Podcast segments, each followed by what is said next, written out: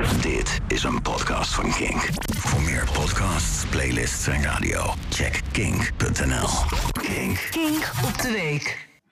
Sinds februari mag ik mij hier op vrijdagmorgen opwinden over het nieuws en grapjes maken. Maar nog geen één keer ben ik zo boos geweest als vandaag en dat ik het echt moeilijk vind om grappen te verzinnen. Maar gelukkig, ik heb in ieder geval één hele slechte woordgrap, dus hou je drumstel bij de hand. Laat me je eerst een kort verhaal vertellen. Robert Johnson was een bluesgitarist in de jaren 30 van de vorige eeuw.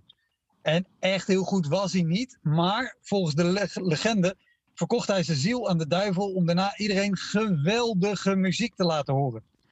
Hugo de Jonge en Mark Rutte zijn demissionaire politici in de jaren 10 van deze eeuw. Echt heel goed zijn ze niet, maar volgens de legende verkochten ze hun ziel aan de duivel om daarna niemand ooit nog muziek te laten horen. Afgelopen weekend was ik in Amsterdam. En op het Centraal Station vertrok een metro vol Ajax-supporters naar de arena. Die metro zat bomvol en bijna niemand droeg een mondkapje. Mondkapjes zijn namelijk net als hersenen.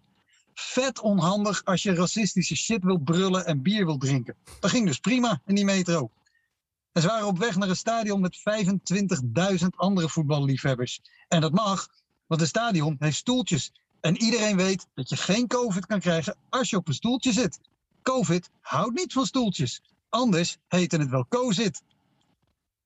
Daar was het drumstel. Sorry, komt er? Ja, ja. Daarom. Heel goed.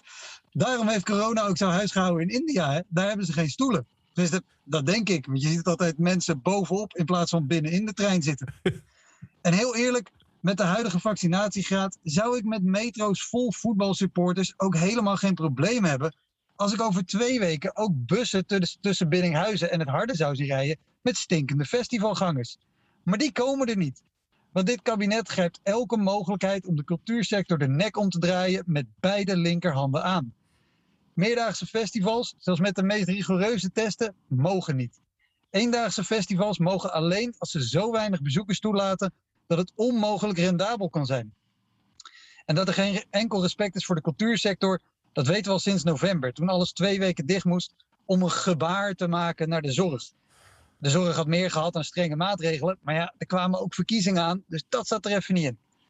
En op 5 september, op één week na, anderhalf jaar na de eerste coronamaatregelen, vindt in Zandvoort een van de grootste marketing-evenementen ooit plaats.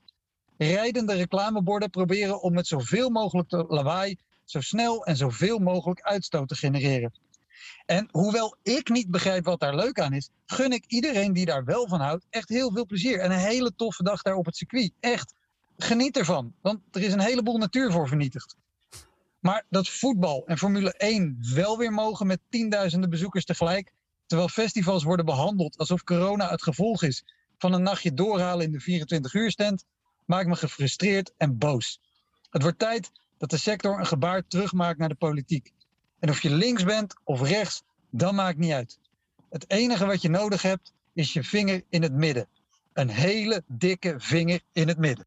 Dit was een podcast van Kink. Voor meer podcasts, playlists en radio, check kink.nl.